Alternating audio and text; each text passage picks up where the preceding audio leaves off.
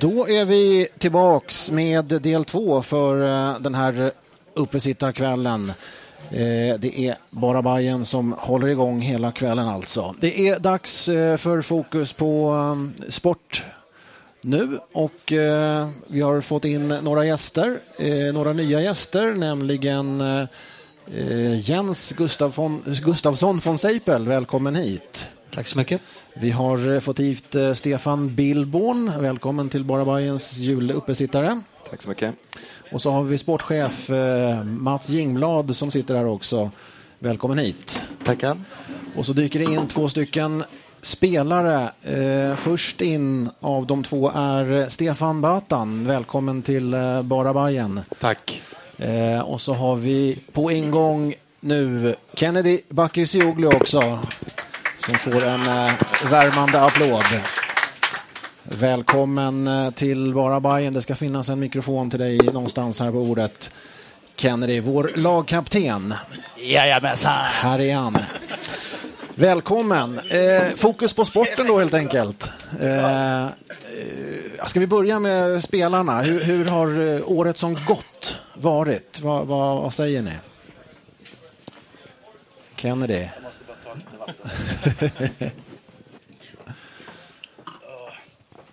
ja, egentligen så har ju målsättningen var att vi skulle hålla oss kvar så att eh, jag har ju lyckats gjort eh, bra.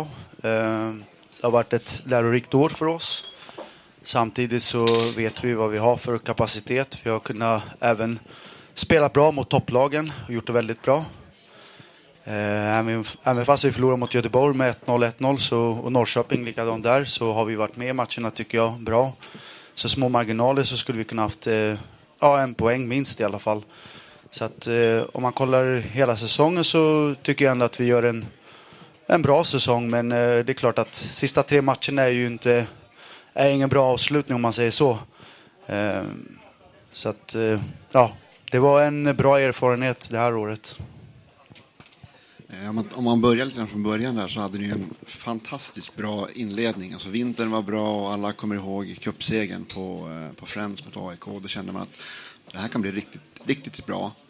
Eh, sen så börjar ju allsvenskan också. Om man tittade på spelprogrammet innan så kände man att oh, det kan bli tunt med poäng om man inte liksom är maxad. Men ni var ju i väldigt, väldigt, väldigt bra form första fyra, fem omgångarna.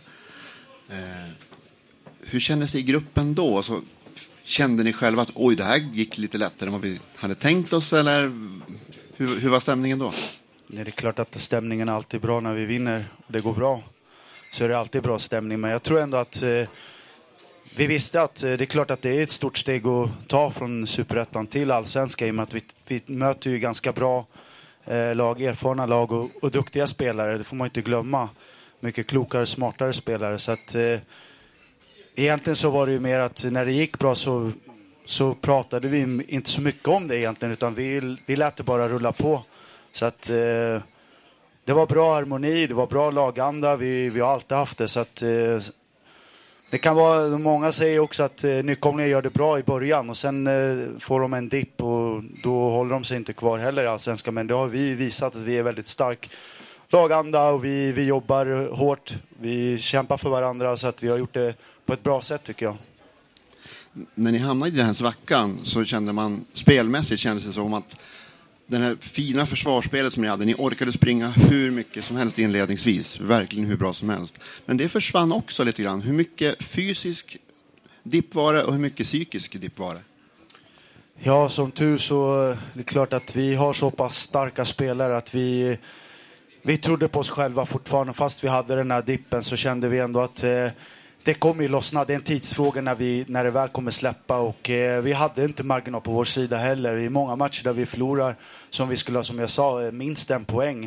Eh, men så är ju fotbollen ibland. Eh, det kommer eh, marginalen på vår sida, men sen är plötsligt så vänder det så har vi allt med oss. Och, eh, det var det vi trodde på och eh, Nanne fick ju oss också känna att eh, det här är rätt väg att ta. Liksom. Vi kan inte börja tänka lite, eh, alltså gå ner oss för mycket i, i, i formsvackan och börja liksom tänka på annorlunda sätt. Utan vi måste hålla oss till det vi har jobbat på under hela året och byggt. Så att, eh, det har vi gjort på ett bra sätt. Eh, det var bara en tidsfråga. Det visste vi själva också att det kommer vända.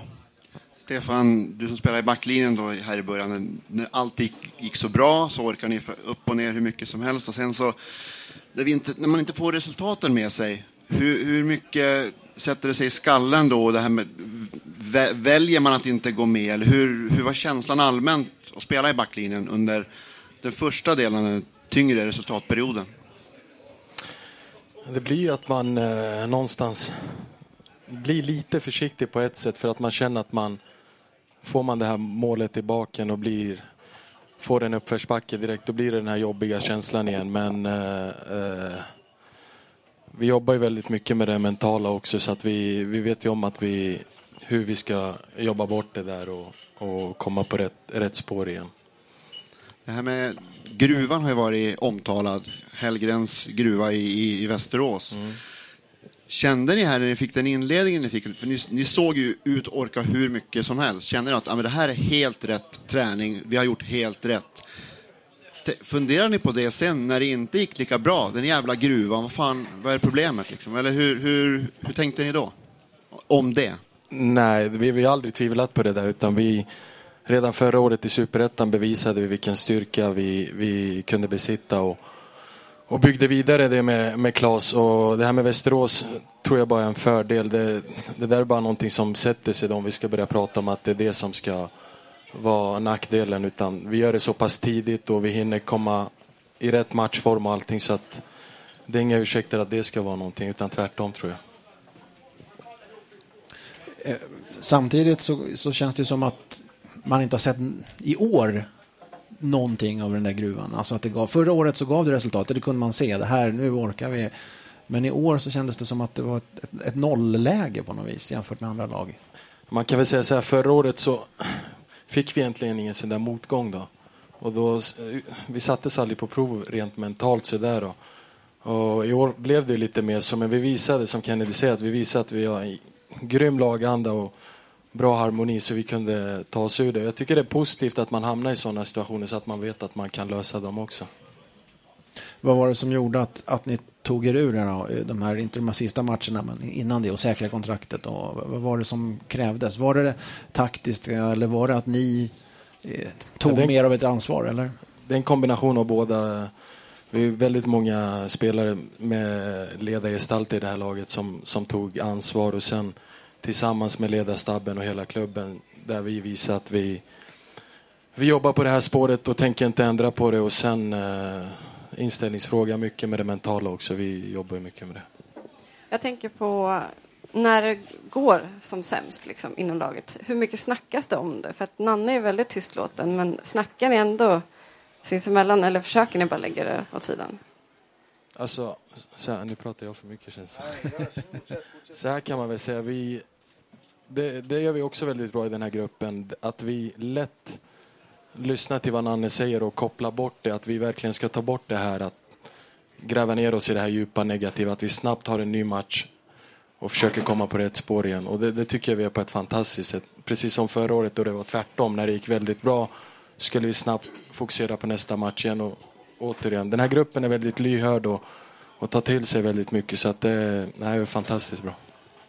Jag tänker också på att ni är ett ganska nykomponerat lag. Liksom, hur är sammansvetsningen? Man, man ser och hör ju lite grann sådär att några av er verkar ha en fantastisk stämning. Men hur är det generellt att komma ihop som ett nytt lag och ny ja, det, där, det där brukar jag lösa med, med Love, lite video här och där så är de inne i laget.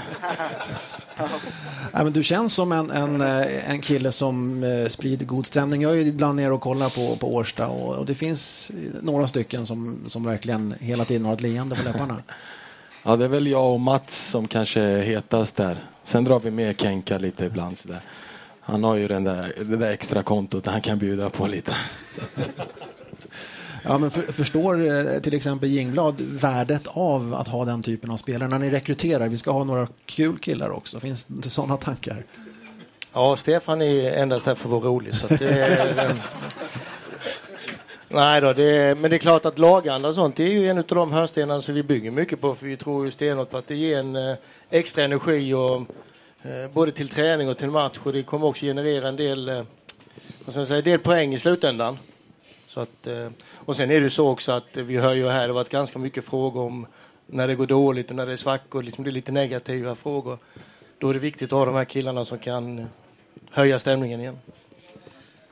Sen då när ni, när ni valde att frå, lägga manualen i skåpet ett tag, eller som Nanne säger, spela mer cynisk fotboll som alla andra. Eh, hur delaktiga var spelarna där? Vi var ganska ja, delaktiga allihopa. Vi visste att eh, Nanne vet ju, han har haft så himla mycket eh, erfarenhet med allt det här och eh, han visste att eh, nu måste vi ändra, nu måste vi plocka poäng för att eh, även fast vi har gjort det bra så har vi inte haft de extra poängen som vi har velat haft. Så att vi, vi spelar mer cynisk och eh, det såg ju till också att vi faktiskt hade två, tre raka vinster där och eh, kunde komma ur den där skiten där nere. Så att eh, det, det funkade bra tycker jag. Gruppen tog det väldigt bra. Sen under sommaren så, så kom det lite nya spelare. Eh, Mats hittade lite spelare och trots att, att den här resultatet inte hade varit så bra så vågade man ändå göra värvningar som också var på, på sikt. Hur mycket, hur mycket pratar ni om det? Att, att ni vill hitta snabb lösning för att försöka komma ur eh, problemen och hur mycket vill ni titta på på längre sikt? Eller är det en marknadsfråga helt och hållet? Nej, det, det, är ju alltid en liten blandning av saker och ting. Men eh, vi, det är inte så att vi i somras när vi köpte spel att vi köper oss ur någon typ av formsvacka eller någonting sånt där. Utan då ser vi mer på sikt vad kan de här spelarna tillföra oss på sikt. Och sen kanske någon var lite kortsiktiga då eftersom vi fick låna Jakob. Vi hade ju försökt köpa honom från början men eh, det blev ett lån där och det blev lite mer kortsiktigt då. Men Imad och och långsiktigt likaså Ömmi och, och Rickard Magyar. Så att nej, vi tittar liksom hela tiden för att förbättra truppen på längre sikt. För vi har ett väldigt bra lag och vi, vi litar på våra spelare till 100 procent. Men man behöver göra lite kompletteringar och, och uppgraderingar som det heter emellanåt. Eh, om man tar det till slutet och nu är säsongen klar och man hamnade, man fick nytt kontrakt. Det var väl någon form av minimimålsättning som är, som är uppnådd. Eh, ni har avslutat en tuff period i, i Västerås. Hur mycket ser ni fram emot nu 2016 och inom gruppen och hur mycket har ni snackat och hur är känslan rent generellt om man stänger igen 2015? Jag tror att eh, den känslan är bra faktiskt. Vi har haft eh, en hel månads tid i Västerås vi har tränar på bra och eh, vi laddar inför 2016 på ett bra sätt. Och jag tror att det finns mycket glädje och mycket positivt snack i gruppen och alla är väldigt motiverade så det ska bli jättekul. Hur känns din egen form? Bedrövlig. Nej, jag skojar bara. Nej, det känns bra. Jag eh, har börjat träna igen och kunnat gjort det en hel månad nu och även kunnat gjort fotbollspass på torsdagar som vi haft i, i Årsta. Så att, eh, det har funkat jättebra. Inga konstigheter. Eh, nu ska inte jag vara som bäst utan eh, nu eh, siktar jag på, på att få en bra försäsongsträning och få vara skadefri. Det är det viktigaste för mig och sen så därefter får vi se hur allting går. Jag tänkte höra lite med er som spelare eh, hur ni ser på spelsystemet, hur det har fungerat och inte under året personligen tycker jag att det har funkat bra i vissa matcher. I vissa matcher har det funkat mindre bra. Så att eh, vi visste ju ändå att eh, man får ju inte glömma. Vi möter ju allsvenska lag och de är väldigt skickliga. De analyserar oss väldigt bra och de vet ju liksom hur, hur det ska gå till. Och så enkelt är det inte alltid. Men eh, jag tycker ändå att eh, vi har tagit stora steg. Från 2014 då har vi byggt allt. Jag tog steget upp till allsvenska. Vi är på rätt väg tycker jag så att vi ska fortfarande bygga vidare det här och eh, jag tror på det här stenhårt så att eh, det finns ingen anledning att göra något annat tycker jag. Eh, jag tänkte spela in Stefan Billborn här lite grann. Då. Du är hyfsat ny in i klubben. Kan du bara dra snabbt vad dina primära arbetsuppgifter är? Oj. Eh, ja, eh, jag ska väl vara med och utveckla verksamheten på planen så att säga på ungdomssidan då, på akademisidan. Du, du, kommer vara ansvarig för tränarna eller ansvara för, ansvara för verksamheten totalt sett? Nej, för tränarna. Hur man tränar och hur man spelar kan man säga. Om du tittar på truppen idag så finns det inte jättemånga spelare som man kallar då för unga spelare kanske. Hur känner du att ni ska jobba för att komma närmare eftersom steget att ta sig in i, i A-truppen kommer bara bli större och större med tanke på de satsningar som man gör på A-truppen. Hur känner du där? Eh, ja, alltså det... det ja, det, ju bättre lag vi får desto svårare det kommer det vara att få fram spelare, så är det ju. Men samtidigt så har vi knappt fått fram några spelare överhuvudtaget eh, genom åren här. Så att eh, eh jag tror inte att det är, det är ingen omöjlighet att, att producera allsvenska fotbollsspelare. Det är bara det att man måste, man måste analysera problemen. Eh, eller först måste man minnas att man har ett problem att få fram spelare och så måste man börja där. Har, har, du någon snabb grej som du känner att det här måste jag, med dina tidigare erfarenheter, det här behöver vi ändra i Hammarby på kort sikt för att hjälpa till att det här ska börja hända liksom? Ja, det är klart. Alltså, man måste på ungdomssidan, alltså, att, ha, att ha bra lag på ungdomssidan är egentligen helt eh, meningslöst. Med det så betyder det inte att, det, att man inte ska ha bra lag, men det är viktigare att ha bra spelare. Det betyder alltså att man kan, man kan tycka att man är framgångsrik på ungdomssidan men egentligen inte ha, få ut någonting av det i slutändan. Och, och, det tror jag det är en filosofisk fråga. Om man, och både när man tränar och spelar, alltså om man börjar med att försöka få fram bra fotbollsspelare och sen försöker liksom bygga samarbete mellan dem på plan så kommer man till slut få ett bra lag och då kommer man få ett bra resultat. Men det är lockande att, eh, att bygga ett bra lag, till exempel kanske med brådmogna spelare och då får man väldigt bra resultat. Men helt plötsligt så får man får inte ut någonting i slutändan. Vad, va, vad behöver du för verktyg för att skapa de här spelarna ifrån Ja, Jens sitter ju i, i, eh, i, bolagets eh, styrelse och i sportrådet och, och, och, Mats. De har väl också tankar och idéer om vad du ska få fram och vad behöver du för verktyg för att lyckas? Eh, jag har jobbat i Brommapojkarna i 17 år. Eh, och om man säger vad förutsättningarna i Hammarby är ju mycket bättre än eh, vad de är i Brommapojkarna. Så att jag tror att det finns alla förutsättningar redan nu för att göra någonting bra. Men det, men det här tar ju tid. Eh, och jag tror också att man måste vara kritisk hela tiden. Eh, man ska också veta att bra ungdomsledare, det växer inte på trän. Många vill framåt, uppåt. Eh, och då har man, man fel fokus. Eh, det finns också väldigt mycket folk som har väldigt mycket synpunkter på, på en ungdomsverksamhet ska bedrivas. Alltså det och utan erfarenhet skulle jag säga. Alla har ju lite boll själva. Eh, så det här kommer ta tid. För det handlar om kontinuitet på ledarsidan framförallt. Kontinuitet med bra ledare. Det, det, är det som är hemligheten skulle jag säga. Men Mats, vad, vad, vad, förväntar du dig ska komma ifrån Stefan här om, om några år? Och, och när förväntar du dig att det ska komma saker?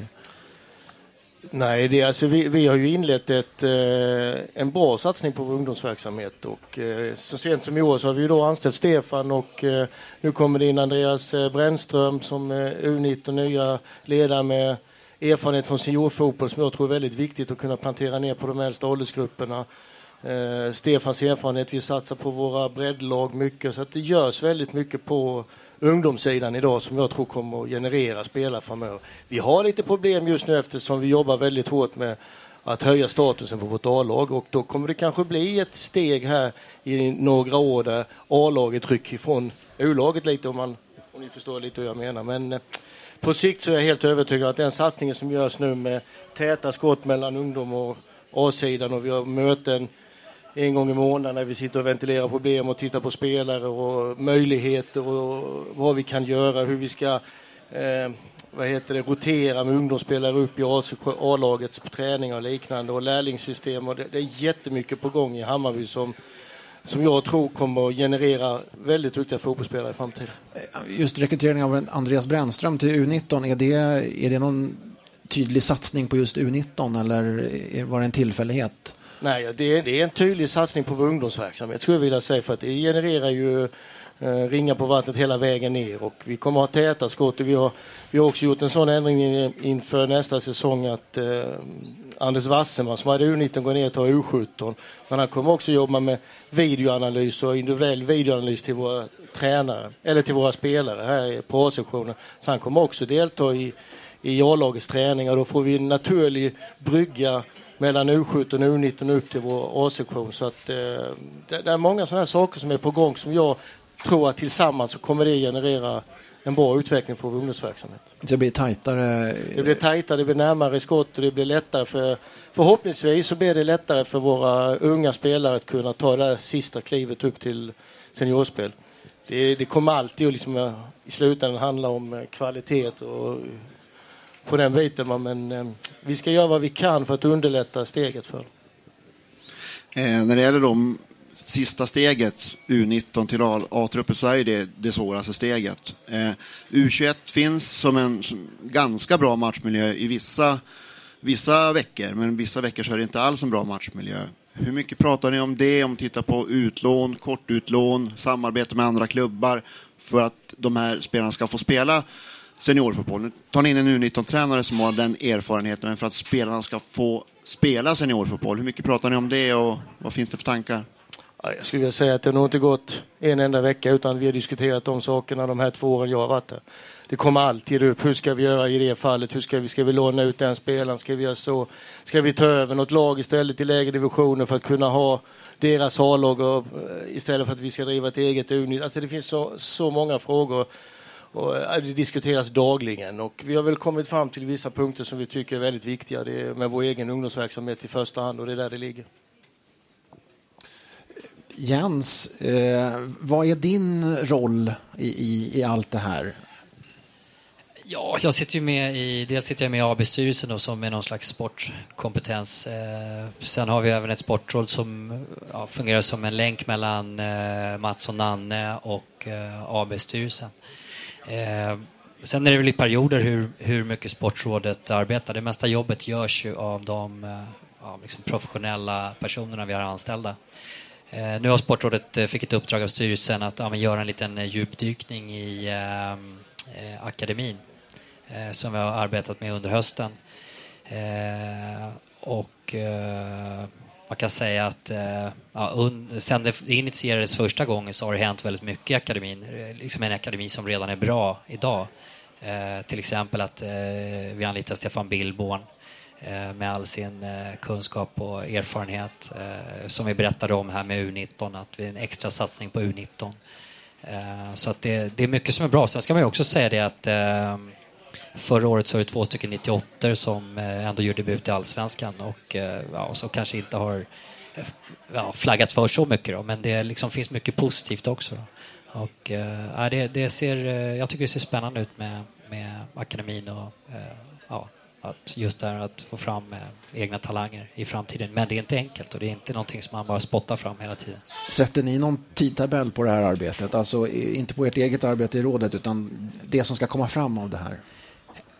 Nej, nej, det gör vi inte, utan det är ständigt ett pågående arbete och det är inte liksom någonting som har varit eh, beroende på att Sportrådet har fått det här uppdraget. Däremot så tycker jag det har varit väldigt bra att, eh, att jobbet görs och att man synliggör liksom även de, eh, de yngre akademitränarna och hela ungdomsverksamheten. Eh, men det här arbetet är hela tiden ett utvecklingsarbete. Eh, och sen så är det ju extra just med Billborns roll, okej att han har utvecklat talanger väldigt länge, men sen är det ju extra spännande också att han också har en erfarenhet som eh, ja, men elittränare eh, för herrlag också. Va? Och eh, just det samarbetet mellan akademin och A-laget kommer betyda mycket också för att vi har liksom en, ja, men samsyn på hur, hur vi ska jobba. Men i slutändan handlar det också om att vi måste få fram tillräckligt bra spelare för att de ska ta en plats i A-laget också. Finns det någon konkret siffra man sagt att vi ska försöka få fram en spelare per år eller har man pratat i de termerna? Ja, jo, men det har, vi- det har vi gjort. Vi, vi diskuterar sådana grejer eh, ganska ofta, det gör vi absolut. Så, eh, och, och där är ju också en, en bit som vi har en grupp nu som, eh, som träffas ja, men varannan vecka. Som är Jingblad och Billborn och Johan Lager, eh, Micke Hjelmberg, Peter Kleve. Eh, och de diskussionerna ska liksom eh, finnas på den arenan. Att det är de själva som är med i verksamheten som också får vara delaktiga i och liksom kunna ta fram sådana här mål. Men det är självklart att vi på, lång, att vi på sikt ska ha liksom mål med vår akademiverksamhet. Alltså jag funderar lite på, framförallt mot dig Stefan, hur, vad är en talang för dig? Vad, vad letar du efter? Ja, det är ju, jag kan säga så här, att talang för mig är inte styrka och storlek. Om jag säger så. Eh, jag tror tyvärr att det är väldigt vanligt att talang är styrka och storlek. Jag tror att tittar man inte på det utan man tittar på teknik och speluppfattning och sådana bitar. Snabbhet också till en viss del och inte bara kanske snabbhet rakt fram utan för det är oftast med att göra att man är tidigt utvecklad i unga år. Eh, så tror jag att i, man åtminstone är, är hyfsat bra ute. Eh, men, men alltså svensk, det, det, vi brukar prata mycket om det är väldigt lätt att, att man, man stämplar spelare som liten och teknisk eller stor och stark. Framförallt så har vi en tendens att göra det i Sverige. Och, och, då blir det lätt att man, man gör spelarna en björntjänst. För att är man liten och teknisk, då blir man, då är det okej att man är lite harig, att man inte tar för sig och, och sådär. Och är man stor och stark, då, då är det liksom problem att man, det är okej att ha dåliga fötter och sådär. Och sen så när man liksom ska få sätta ihop allting till slut, då blir det ingenting. Eh, jag tror också att alltså, träningsvilja, intresse, vinnarmentalitet när man blir äldre, framförallt sista steget, är otroligt viktigt. Alla block har sin del. Eh, man kan kompensera mycket om man liksom börjar senare, men man kan aldrig ta igen det man har missat. Det finns varje, olika fönster i varje åldersblock som är mer fördelaktigt att träna. Och, och jag tror att det är viktigt där, att hur man, hur man ja, definierar en tank. Inte stor och stark, ska jag säga. Alltså det finns ju en kille i klubben med en enorm erfarenhet av, av fotboll. Eh, används Kennedy eller Stefan för den delen på något vis i akademiverksamheten? Eh, alltså att man använder, eh, har ni blivit inbjudna att vara med på saker eller eh, kan man använda er kompetens till att lära spelare saker? Ja, alltså det, nu har vi inte blivit det om jag ska vara ärlig, men eh, det är klart att eh, vi Det är problem att få ner dem på träning ju. ja, det... ja, exakt. Nej, men skämt åt sidan. Vi, eh, det är klart att vi eh, skulle vilja lära många, eh, många saker. Det kan vara teknik, det kan vara tillslag, det kan vara allt möjligt. Teknikövningar. Det är mycket som, som man skulle kunna bidra med. Men det måste finnas tid till allt också. Det är det med. Jag kan säga att vi har på utvecklingssidan ett samarbete med Digitala fotbollsakademin där vi har bara klipp från, från Hammarby-matcher. Eh, vi har inte, det är liksom klipp från, från Hammarbys A-lag. Så den punkten finns. Pratar ni något om spelsystemet som A-laget kör? Och nu, nu, nu man får säga, alltså det här är någonting, när jag kom till Hammarby i april så, så, så pratade man väldigt mycket om manualen, man skulle spela som, som A-laget gör. Så här, för mig är det en, en, en, en katastrof om man skulle göra det kan jag säga. För att det, det man måste göra, man måste identifiera de spelarna i varje åldersgrupp som är, är de spetsigaste talangerna. Och sen så måste man bygga laget kring dem. Och det kan se helt olika ut i olika åldersgrupper. Eh, och det är också så att eh, ponera att Nanne skulle få lämna om ett år. Ja, då kommer en ny tränare in och spelar så. Det är ytterst få klubbar i världen som, som har den kontinuiteten att ungdomslagen spelar som A-laget. Jag tror att det är två eller tre stycken. Eh, men det är väldigt populärt att säga att man ska göra det. Eh, och då tror jag också man är väldigt illa ute eh, när man till exempel då ska definiera vad är en talang. Så spelsystemet i respektive grupp måste byggas ut efter de bästa spelarna. Eh, vi nämnde här eh, Andreas Brännström och, och även du som har elitfotbollsverksamhet bakom er i ryggsäcken. Vad gör att ni tar den här typen av jobb, alltså, eh, som, som inte är elitfotboll? Alltså jag, jag har ju brunnit för ungdomsfotboll i alla år och, och även om jag har jobbat på BFs A-lag de sista fem åren så är det nästan lite som ett förstärkt ungdomslag med, med två papper i, eh, kanske om man har lite tur. Eh, och jag har även tränat, i, gått till och med när jag var ansvarig i Allsvenskan, hjälpt till och tränat pojklag på, på kvällarna. Eh, därför jag tycker att det är så otroligt roligt och otroligt viktigt. Eh, när vi skulle tillsätta den här, när vi bestämde oss för att vi ville ha en förändring på, på U19-sidan så sa vi också, ska vi ha en förändring ska vi ha någonting som vi tror är riktigt bra. Vi ska liksom inte ta in vad som helst. Eh, och då vill vi dels ha en som har erfarenhet av, av helst gärna spelat på elitnivå också och tränat på elitnivå. Eh, men det är också som en föreningsmänniska. För, att, för mig är det viktigt att få in en U19-tränare som jag brinner för hela akademiverksamheten, även de som är kanske 8, 9, 10 år om det skulle vara så. Inte bara kör sitt U-lag. Eh, och jag tror att många förstår, men inte alla kanske, att det är en jätterekrytering för oss att, att ta Andreas Brännström som ändå Dalkurd ville ju verkligen ha kvar honom i, i, i, i Superettan och han var även aktuell i, då jobbar jag flera andra allsvenska klubbar på herrnivå som, som assisterande tränare. Vet. Så att, när vi fick lite slag på honom så var vi jättetacksamma för det. Vad innebär det här för Hammarby som ja, varumärke på sig, in, inom fotbollssverige. För man får en känsla av att det är en del respekt för de här två rekryteringarna. Dels dig och dels eh, Andreas Brännström. Det vet jag faktiskt inte. Jag tror att vi är inga mediapersonligheter där som drar. Så att, men det, det är på sikt så vi hoppas väl att det ska bli bra. Det, det är ju så. Vi, det, det kommer ju komma en dom om några år. Eh, att vi måste liksom få snurr på det här, så är det bara. Eh, och jag är övertygad om att vi, att vi, vi kommer få göra, ja, det kommer lyckas också. När det handlar om att rekrytera spelare till den här åldersgruppen helt enkelt eh, så, så förstår jag att det är någonting man, man vill börja göra på, på något sätt. Men eh, vi tappar också. Vi tappade nyligen en kille till Djurgården, eh, 16 år. Eh, och det var lite skriverier i tidningarna om det, Adnan. Jag, jag vill, man, med, med all respekt för Adnan framför allt så tycker inte jag att det är någonting som jag i alla fall vill kommentera här. Eh, idag med de sociala medierna som finns så, så är det väldigt mycket som skrivs. Det kan bli en, en höna av en fjäder.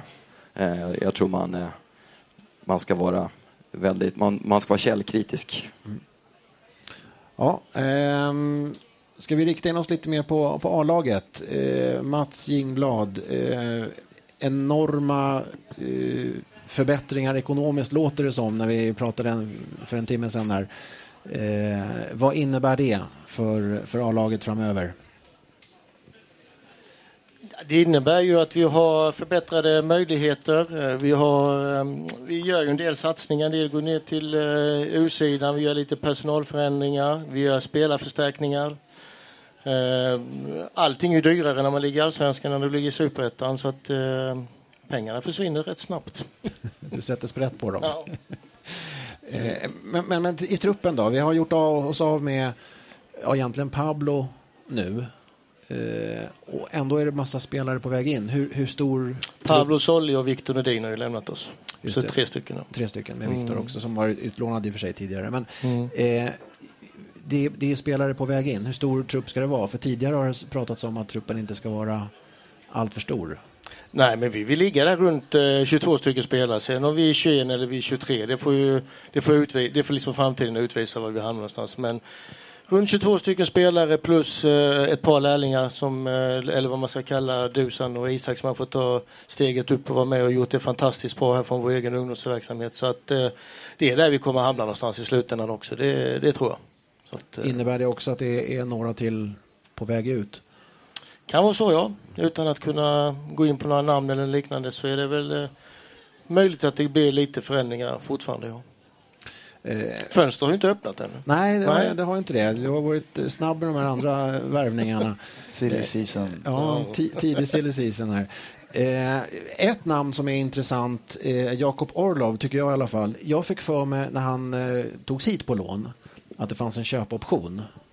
Eh, ändå så lyckas man inte slutföra en, en, eh, en flytt av honom hit. Va, vad är det som, som krånglar i sådana sammanhang när det finns en option? Ja, det är ju att den är, optionen är väldigt hög och bygger lite på kanske bytesaffärer och lite sånt här. Och eh, det, det, det, det är en förhandlingssituation som inte vi har lyckats komma överens om. De har ändrat sin inställning lite och där ligger det. Så det är inte så att när man skriver en sån option att allting är färdigt och man bara säger nu kör vi på det här utan det finns fortfarande ett, ett förhandlingsläge efteråt? Ja, det gör det ju alltid. Okay. är, är den affären stängd helt och hållet? Nej, det är den inte utan det är, en affär är ju aldrig stängd så att säga för en... Uh, Om du säger det så är det? Ja, så kan det ju vara va? men uh, jag kan säga att uh, vi hade stängt Mats Solheim. Den hade vi stängt den affären och dagen efter så ringer Kalmar och säger att nej men vi, vi kan tänka oss det. Så nej den är stängd. Så sju timmar senare hade han skrivit på i alla fall. Så att, den är aldrig stängd. den kan öppnas igen. Den kan vara stängd men den kan öppnas igen. Va? Men eh, i, eh, i Jakobs fall så, så är det tyvärr så att eh, det, det är inte bara ekonomiska saker som eh, spelar in utan det har lite med brandsituation på forwardsida och liknande och hur de ser på sin spelartrupp och hur de vill ha in pengar kontra att de ska köpa en ny forward om de tappar Jakob och sånt där. Så det, är en, det är en hel del sådana saker som, eh, som vi diskuterar. Hur nära är du att ta nästa spelare om den om det låset är låst och nyckeln är bortkastad och du vet att det blir inte Jakob Oredov, hur nära är du då att presentera en ny forward? Oh, jävla twist på frågan. jag tror inte det har någon större betydelse hur det går för Jakob om jag är nära eller långt ifrån. Hur nära är du en ny forward? Han avslöjar ingenting nu. Ja, nej, jag kan tyvärr inte göra det. Nej, det, jag kan inte kommentera sånt. Det går inte. Sjukt väntat. Ja. Eh, Okej, vi- Är det forwardsidan som vi letar mest på just nu? Är det så? Annars kan, annars kan jag bekräfta. Nej, vi letar faktiskt vänsterback också. Nej, Stefan, det gör vi inte. Nej, jag. Eh, Nej, ja, alltså det, det är ju klart, alltså kan vi inte, det är ju bara så, kan, eh, kan vi inte behålla Jakob så måste vi leta forward. Så är det ju, för då är vi nummer ett i, i lite illa ute på forwardsidan. Så det, det, där tittar vi. Det gör vi. Får jag bara flika in där? Stefan, på tal om din position på vänsterbacken där. Hur, hur känner du för det? Hur ser det ut, tror du? Du fick ju spela vänster yttermitter där ett tag. En match. En match i Malmö hemma. Eh, Jag är så här, jag är ganska flexibel. Jag spelar där tränaren vill spela mig. herregud, så kom igen nu. Vart vill Ja, du det spela? är så. Jag vill ju att jag spelar forward. Spela. Ja, men Stefan han får ta lite skit idag för att eh, i programbladet för några, vad var det, första matchen i år? Då var du ute efter mitt jobb sa du. Om fem år då är du sportchef i Hammarby så nu får han ta tillbaka lite. Kom ihåg det alla. Nej, men det viktigaste är egentligen att få spela, är det du säger? Eller? Ja, på ett eller annat sätt är det för oss spelare så, men eh, vi vet ju våra kvaliteter och tränaren vet ju vart man spelar bäst. Så att det är väl de två positionerna, tror jag. Ja, det är bra. Eh, ja, jag vet inte om vi får Mats att avslöja något mer om, om, om värvningar. Vi, vi kan ta en liten vända till på slutet och se om man har mjuknat. Går det att fylla på det där glaset kanske? Så, om det händer någonting. Eh, ja, precis. Lite starkare var det där då, till, till den herren där.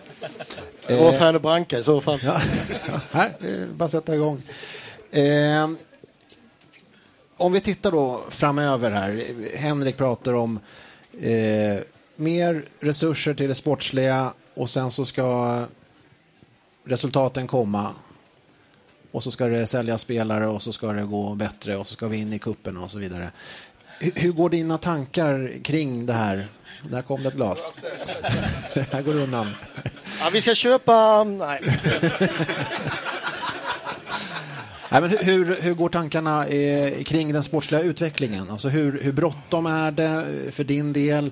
Eh, hur långt kan vi komma i, i den, eh, med det lag vi har idag? Eh, vad har vi för målsättningar de närmsta åren?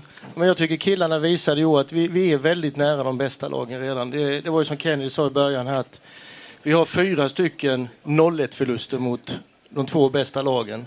Sen slog vi, AIK kommer trea så att vi, och de slår vi två utav tre matcher i år. Så att vi är där och nosar utan att riktigt kunna knyta ihop säcken tycker jag. För, liksom för att ta det upp på övre halva. Men vi har stora möjligheter att lyckas med det i år. För vårt första år i Allsvenskan på sex säsonger så, så ska killarna ha en stor eloge. Och hade vi inte gjort den där försmädliga avslutningen som vi alla är väldigt missnöjda med så hade vi kanske blivit 7-8. Och eh, då, då tycker alla år var bra, liksom, utan att det förändras sådär jättemycket egentligen. Men alltså, jag tycker vi har tagit ett steg och vi ska inte förhäva oss och tro att, att man eh, blir ett guldlag som, som fotbollsvärlden ser ut idag. Eh, så här, liksom att börja med quick fix, utan vi vill ta ett steg i taget. Vi vill att hela föreningen ska hänga med, ungdomsavdelningen ska hänga med och så vidare. För att när vi väl är där uppe så vill vi också vara rustade för att kunna behålla en position som ett ledande lag i Sverige eller vara bland de bättre lagen i svensk fotboll. Och det tycker jag är viktigt så att det inte börjar bli en upp och sen ner igen. Utan då ska vi vara rustade för att kunna vara där uppe. Och därför så är det viktigt att alla bitar hänger med. Och, eh, vi bygger ju ett lag nu. att Förra året hade vi ett typ av spelare. Nu går en del kontrakt ut och då försöker vi förstärka de spelarna så att vi får, de spelarna som vi får in de är eh, de kom in med spetskvalitet och vi ser Arne Smarrason som har kommit in, en väldigt duktig spelare och um, Melke Hallberg lika så som kom in med lite andra egenskaper än, än vad vi har haft i laget. Så att eh, eh, vi har en, en strategi att hela tiden kunna förbättra på de positioner där vi tappar spelare. Men- Sen har vi ju faktiskt sålt några spelare om vi ska gå tillbaka till diskussionen för en timme. Ja, det är Med sant. Vår målvakt. Som, som gav en del pengar. Ja, och Nahir. Så att, eh, Det blev en Helt borta pengar. är vi inte där nej, att sälja nej, spelare. nej, det är sant. Eh, när det gäller just de här eh, senaste nyförvärven här. Eh, Melker som du säger som är, är på ett lån, ett halvår. Det är ganska ett kort lån. Jakob tog vi in på ett halvår för att rädda kontraktet skulle man kunna säga. Lite grann. Eh, Melker på ett halvår. Hur går resonemanget där? Ja, det är för att vi inte ska hamna i den situationen nästa år. Så att, eh, det blir ju... Nej, det, det, det är så att eh, vi har ju letat en spelare som har väldigt bra eh, passningskvalitet och lite box-till-box-spelare och kan löpa och avancera med bollen på, på innermittfältet där snabbt och starkt och, och även vara alltså en tvåvägsspelare helt enkelt. Och det är ju Melker. Vi har väl inte riktigt lyckats hitta det och eh, förhoppningarna var att vi skulle kunna låna Melker under hela detta året. Men eh, Udinese har då sagt att de vill göra en avstämning i, eh, under EM-uppehållet helt enkelt och se om, om Melker ska tillbaka till, eh, till Udinese och då fick vi nöja oss med att ta första halvåret.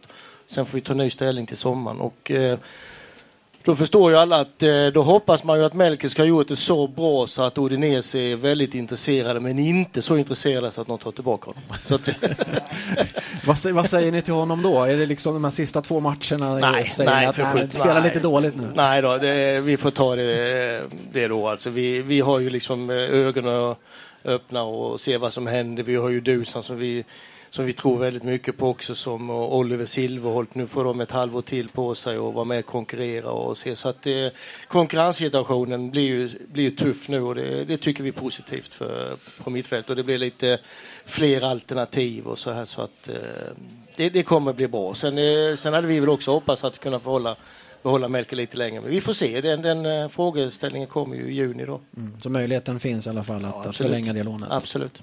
Eh, till Jens då, när det gäller just den här eh, utvecklingen framåt. Finns det från Sportråds styrelse eh, några tidtabeller och säga att ja, vi, vi, ska, vi ska upp i topp fem inom ett år eller finns det några sådana krav på, på Mats?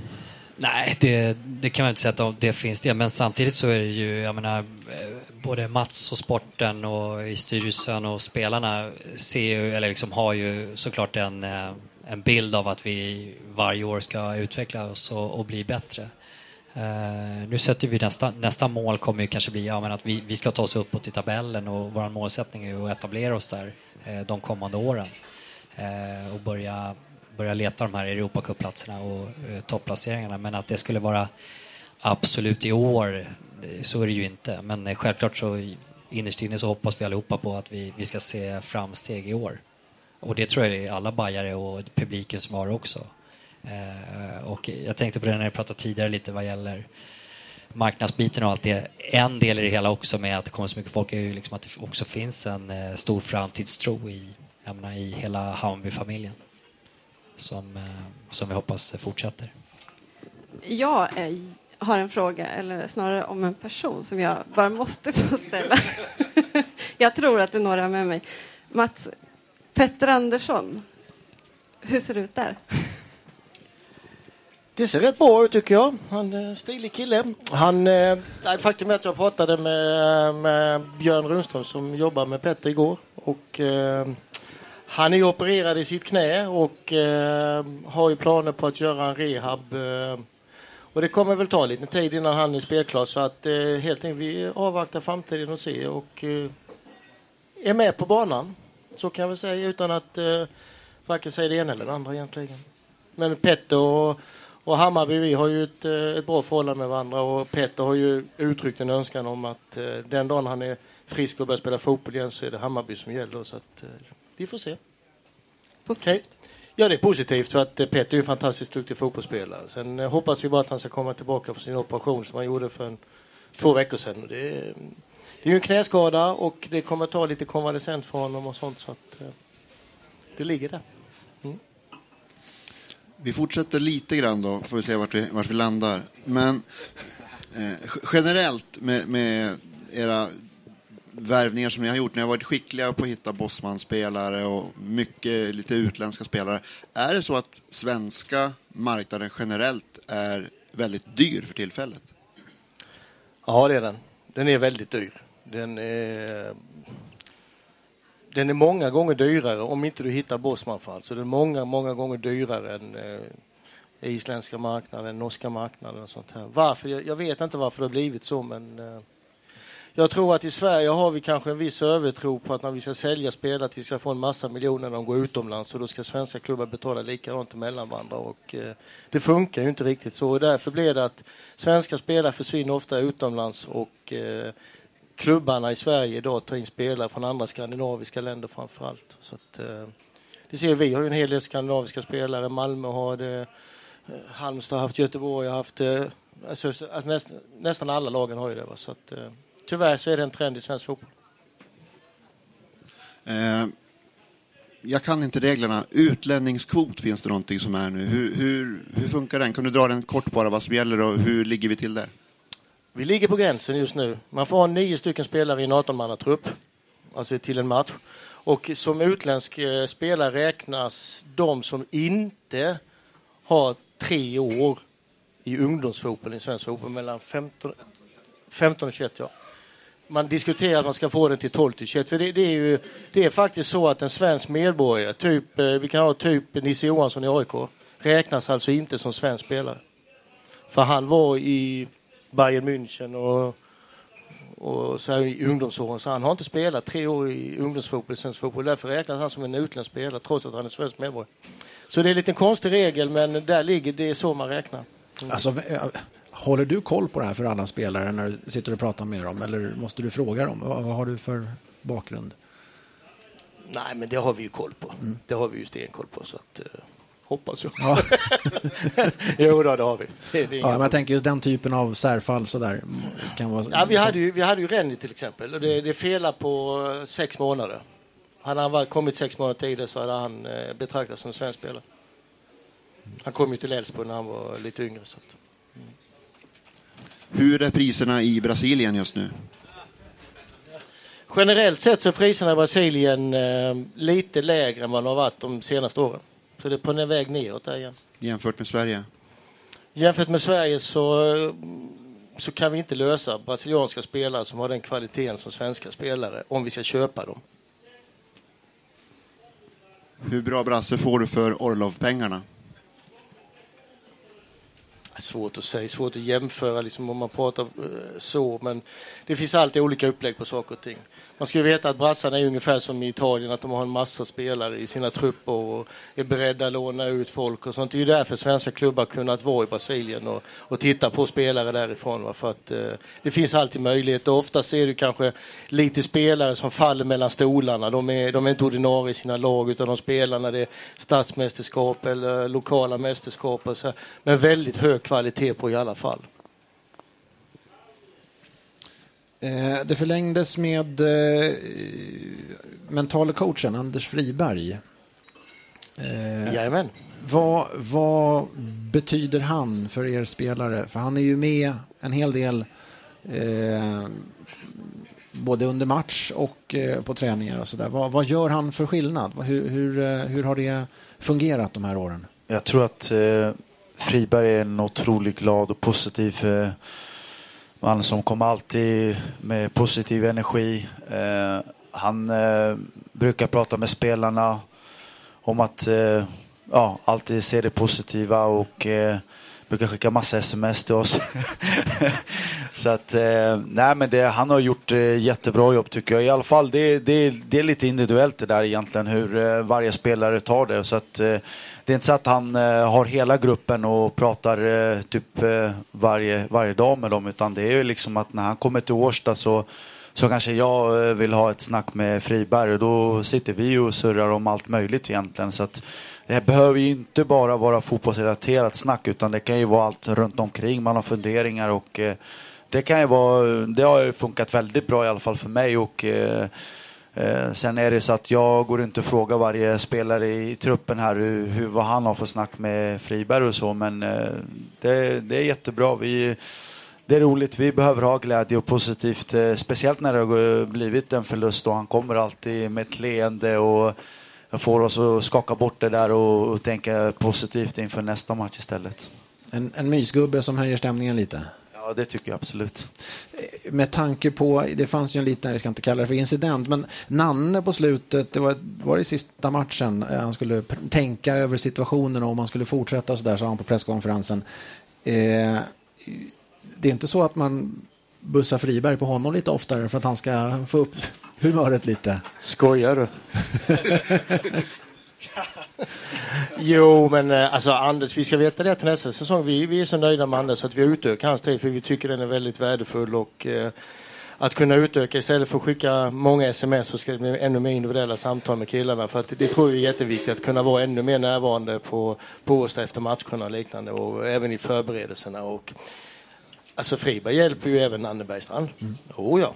Och, eh, den enda han inte hjälper är mig, för mig bara surrar han med hela tiden. Så att, eh, jo då, han, han, är ett stöd. Alltså han är ju, han, det är ju en, eh, det är ju en strateg och eh, beteendevetare. Han, alltså han har mycket på sin eh, lyra. Så att det, mm. det är en bra kille. Jag tänker på mm. när Nanne gör ett sånt typ av utspel. Hur tar ni som spelare det? Tar ni åt er eller vad tänker ni? Ja, alltså det är klart att vi spelare också i, har känslor och tar åt oss eh, när det står någonting eller någon, när någonting har sagts. Men samtidigt så vet vi att eh, Nanne har ju väldigt mycket känslor. Han kan säga vad han tycker rakt ut ibland. Och, men jag tror inte han menar det riktigt så. Eh, det som har stått i tidningen, eller även sista matchen. Jag tror att eh, det var mest att han var väldigt eh, besviken och, och då kom det någonting som eh, han själv, jag tror inte han menade egentligen. Eh, om vi blickar återigen fram till nästa år. Eh, vad säger eh, Mats Jingblad är eh, målsättningen? Finns det några sådana saker inför nästa år? I år så sa Kennedy det handlade om att hålla sig kvar egentligen. Eh, men hur, hur, ser det ut nästa år? Det går inte att säga riktigt hålla sig kvar. Det, det låter... Det gör det väl. Gör det? Ja, det kan jag ju säga, men det är ju inte det vi siktar på. Nej, men alltså, vi, vi, har ju hela tiden jobbat efter målsättningen att, att bli ett, eh, ett etablerat topplag i svensk fotboll och spela en, eh, en tempostark fotboll både offensivt och defensivt. Och den målsättningen, eller visionen ska vi kanske säga, eh, ligger kvar så. Så att eh, till nästa säsong ska vi fortsätta den utvecklingen och vi ska ta nästa steg och och klättra, i, klättra uppåt i svensk fotboll. Det det är en målsättning vi har. Sen, sen kan jag inte säga att vi har liksom målsättning att vi ska bli sex eller sju eller fyra eller femma. Liksom det, det, det, är, det är en annan sak. Men just det här med att utveckla vårt spel ytterligare, komma ännu närmare eh, idealmanualen och eh, jobba på på den biten. Det tror jag är väldigt viktigt för våra spelare. Så att, eh, vi kommer ju börja nästa säsong eh, redan den 9 januari på ett läge på Gran Canaria där vi kommer jobba med många bitar. Eh, jag tror det var Jeanette som ställde frågan förut lite grann om, om spelsystemet och hur, hur det har fungerat under året. Eh, utvärderas det någonting? Eh, eller är det så att den här manualen ligger?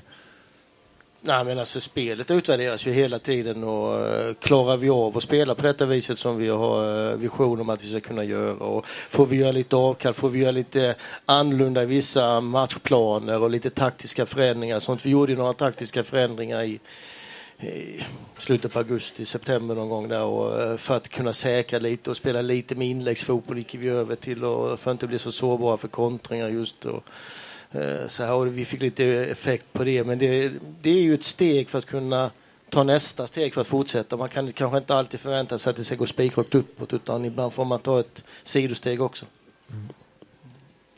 Mm. Utan att för, föregå transferfönster öppet och stängt och så vidare så det är klart ni vill bli klara så snabbt som möjligt. Det känns inte heller som att det är jättemånga pusselbitar kvar nu när ni har tagit in Smarason och, och Hallberg så känns det som att en eller två, om det är då in och ut eller vad det är. Men har ni sagt själva till andra, andra läger ska det vara klart eller håller ni dörren öppen tills ni är helt nöjda?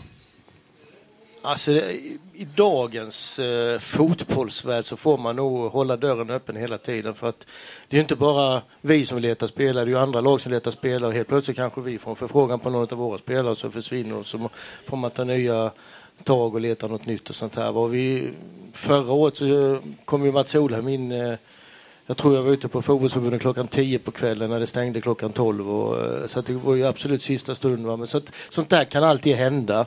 Men eh, jag tror inte det händer så sent i år. Om jag säger så. Vi ligger lite bättre för, förberedda i år.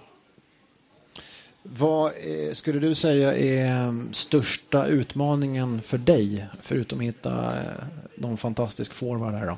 Men, men under 2016? För mig? Mm, I ditt jobb här, i Hammarby? Det var en svår fråga, det har jag aldrig Ja. tänkt på. Sådär. Det... Nej, jag jobbar för Hammarby, jag gör mitt absolut bästa för Hammarby. Jag har inte tänkt eh, största utmaningen för mig. Nej. Ska väl vara få Kenny att spela 30 matcher. Det är...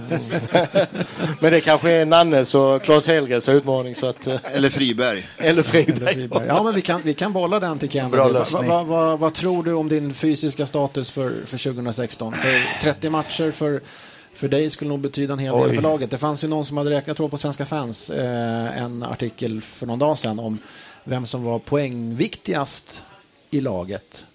Eh, när det handlade om att vara på plan för att ta så många poäng som möjligt. Och det var, om inte jag minns fel, Kennedy Bakircioglu. Så 30 matcher för dig skulle faktiskt betyda en hel del. Hur tror du? Ja, det är en bra fråga. Ehm, Eftersom jag drogs med mycket skador i år så försöker jag tänka mer eh, positivt 2016. Att eh, jag kan göra min försäsong. Claes Hegrens träning nu i Västerås har gjort mig stark nog för att kunna göra en bra försäsong och vara väl förberedd och, eh, och inte åka på konstiga skitskador som, som kan stoppa upp för mig.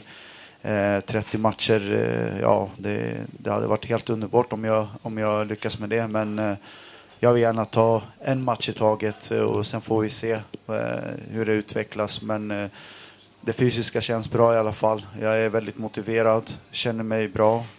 finns bra glädje och en positiv känsla i alla fall. Eh, Stefan Bautan, eh, ja, 30 matcher, är det det för dig också som gäller? Om du inte blir sportchef alltså.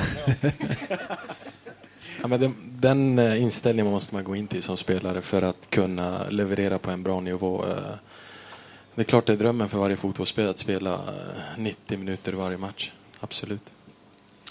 Eh, största utmaningen för Stefan Billborn då, eh, 2016? Hur, hur ser dina eh, problemformuleringar ut? Eh, nej, men eh, en eh, akademis framgångar bestäms ju på planen, vad vi gör på planen. Och ambitionen är att förbättra det så pass mycket så att vi, vi tar ett stort steg på vägen. Och Jens Gustafsson från Seipel. Vad kommer sportråd och styrelse ställa för krav framöver? Kravbilden, eh, som vi sa, rent resultatmässigt så finns, finns det ingen direkt kravbild. Även om, som jag sa, att vi alla men, hoppas och tror att vi kommer vara bättre än vad vi var förra året. Och eh, att, vi ska, ja, men, att eh, vi ska sätta spelet ännu mer och det kommer leda till att vi tar mer poäng. Eh, men sen, eh, jag menar, styrelsen i stort så handlar det ju om att, att ge Mats, Nan, eh, grabbarna, spelarna alla förutsättningar eh, för att de ska kunna prestera på högsta nivå. Så det, och där, tycker jag vi ligger väldigt bra till. Så att, eh, jag ser verkligen fram emot eh, 2016.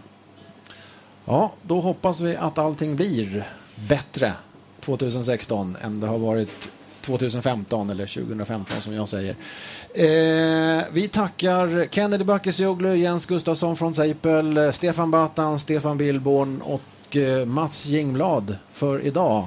Tack ska ni ha. Jag vill eh, tacka er och alla våra härliga supportrar för det stödet vi har fått och önska god jul och gott nytt år så ses vi 2016. Härligt.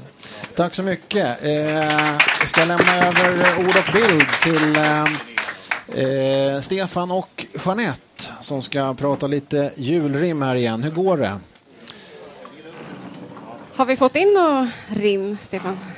Jag var så upptagen utav Kennedys högerdoja här så att jag har inte riktigt kunnat koncentrera mig men det, det, det rinner säkert till en hel del bra, bra, bra, bra vad heter det, bidrag. Eh, så att, men det var intressant att höra sporten också. Vi gick från, eh, eh från eh, det mer administrativa kring ekonomi och marknad och sådär. Och så spännande att få höra nästa, nästa segment då med alla spelare och alla, alla ledare kring laget. Så eh, mycket, mycket, mycket intressant att lyssna på. Så att, spä- spännande segment. Och vi kan väl passa på att att tipsa om att eh, vara med i den här julrimstävlingen. Eh, ni kan skicka in era Julrim på attbarabajen.se. Jul attbarabajen.se. Eh, eller hashtagga barabajen på Twitter med era rim.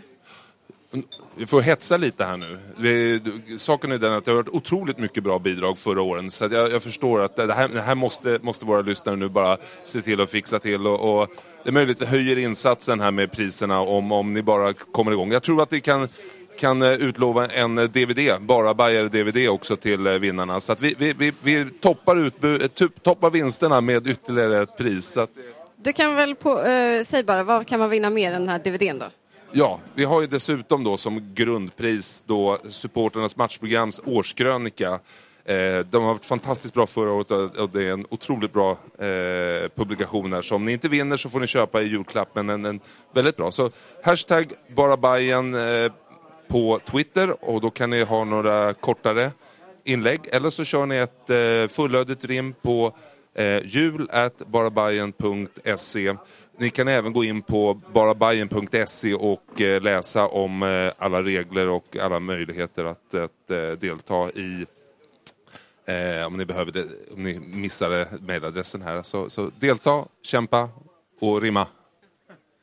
Tack så mycket för det och därmed så avslutar vi den andra timmen och är tillbaks om några sekunder med del tre eh, för er som lyssnar live och eh, som sagt ni som lyssnar på podden behöver bara starta nästa fil alldeles strax.